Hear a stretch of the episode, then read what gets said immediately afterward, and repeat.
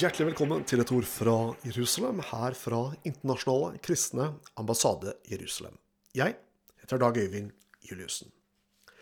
Vi har vært vitne til et nervepirrende og spennende eh, presidentvalg i eh, USA de siste dagene. Trumps ankomst til Det hvite hus for ca. fire år siden brakte en helt ny, banebrytende Midtøsten-politikk på banen. Europeisk tilnærming til Midtøsten har gjennom flere tiår lagt seg opp til den arabiske siden av konflikten. Man har adoptert et narrativ om at palestinaraberne er en David mot en israelsk Goliat.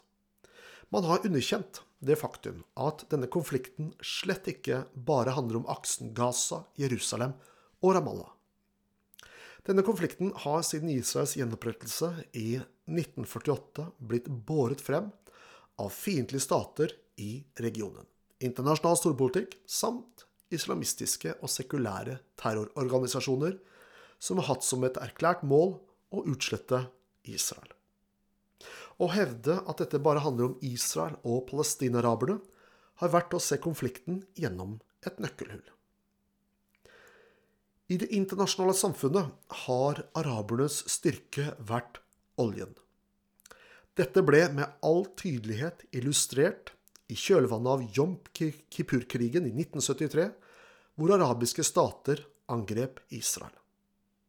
Da besluttet OPEC å øke råoljeprisene med 70% fra 3 til 5,11 dollar per fat, og samtidig skjære ned produksjonen med 5 for hver av de følgende månedene inntil Israel hadde trukket seg tilbake fra områder de hadde inntatt i krigen. Vedtaket ble fattet etter forslag fra Kuwait. Det ble også innført total leveringsstopp til bl.a. Nederland og USA. Den 1. januar 1974 økte OPEC-prisene til 11,65 dollar per fat. Det er liten tvil om at denne virkeligheten og denne siden har påvirket vestlige lands tilnærming til Midtøsten-konflikten opp gjennom årene. I FN blir, utsatt, eh, blir Israel utsatt for en behandling som er grovt ubalansert og rasistisk. Det vedtas til tider flere resolusjoner mot Israel enn resten av verden til sammen. Det er selvsagt uakseptabelt. Likevel protesterer ikke de europeiske landene. EU har bidratt med milliarder inn til de palestinarabiske selvstyremyndighetene. I 2013 avslørte Sunday Times at EUs revisormyndighet hadde liten kontroll over 15 milliarder kroner som hadde blitt overført til palestinaraberne på Vestbredden og Gazastripen i perioden 2008-2012. I mange år har PA, altså de palestinarabiske selvstyremyndighetene, glorifisert terror og lønnet terrorister som sitter i israelske fengsler. Og det er bare i senere tid at europeerne med sine enorme overføringer til PA har begynt å gi tydelige signaler om dette. At Iran, Hizbollah, Hamas, PLO, islamsk jihad osv. er svorne fiender av Israel, ja, det vet vi.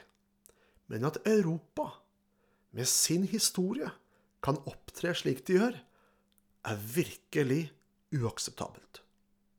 Også her i Norge har man tatt del i denne tilnærmingen. Hvorfor er det ikke konsensus om å flytte Norges ambassade fra kystbyen Tel Aviv til hovedstaden Jerusalem? Ingen andre stater eller suvereniteter har noe rettmessig krav på denne byen. Tvert imot er denne byen en del av det området som av det internasjonale samfunnet ble gitt som et hjemland til de jødiske folk. De politikerne som støtter å flytte ambassaden, har gitt araberne vetorett i saken ved å hevde at man ikke kan flytte ambassaden før man har en fredsavtale med palestinaraberne. Ved siden av oljefaktoren har også frykten for å provosere fram arabisk aggresjon vært et annet særdeles viktig moment i denne saken. Men som politiker i vestlige land med demokratiske verdier kan man jo ikke la totalitære undertrykkende regimer de facto bestemme hvilken politikk man skal føre. Midt i dette scenarioet har Trumps Midtøsten-politikk virkelig endret landskapet. Det skal vi snakke mer om, men først skal vi høre på musikk.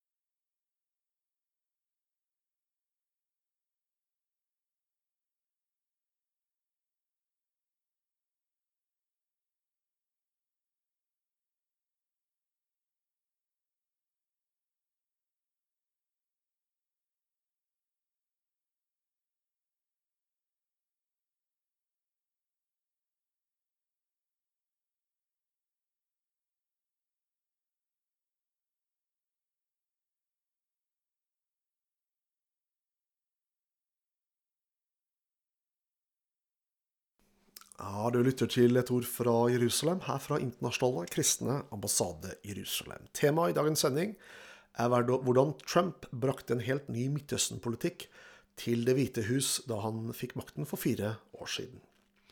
Eh, vi har gått gjennom og sett på hvordan Vesten, og særlig Europa, forholder seg til konflikten i Midtøsten, og hvordan den har lagt seg opp til den arabiske linjen.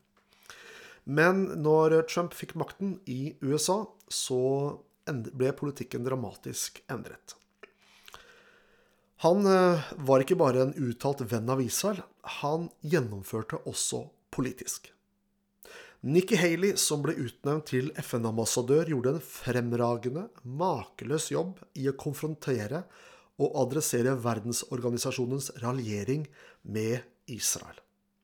I tale etter tale nektet hun å være med på demoniseringen av Israel i FN. Under Trump har USA trukket seg ut fra UNESCO og FNs menneskerettighetsråd. De har samtidig skåret ned på bistanden knyttet til PA-myndighetene. Et av Obamas største feilgrep var atomavtalen med Iran. Både israelerne og sunni-araberne protesterte mot dette. Trump har ikke bare kritisert Obama for dette. Han har også trukket USA ut fra hele atomavtalen.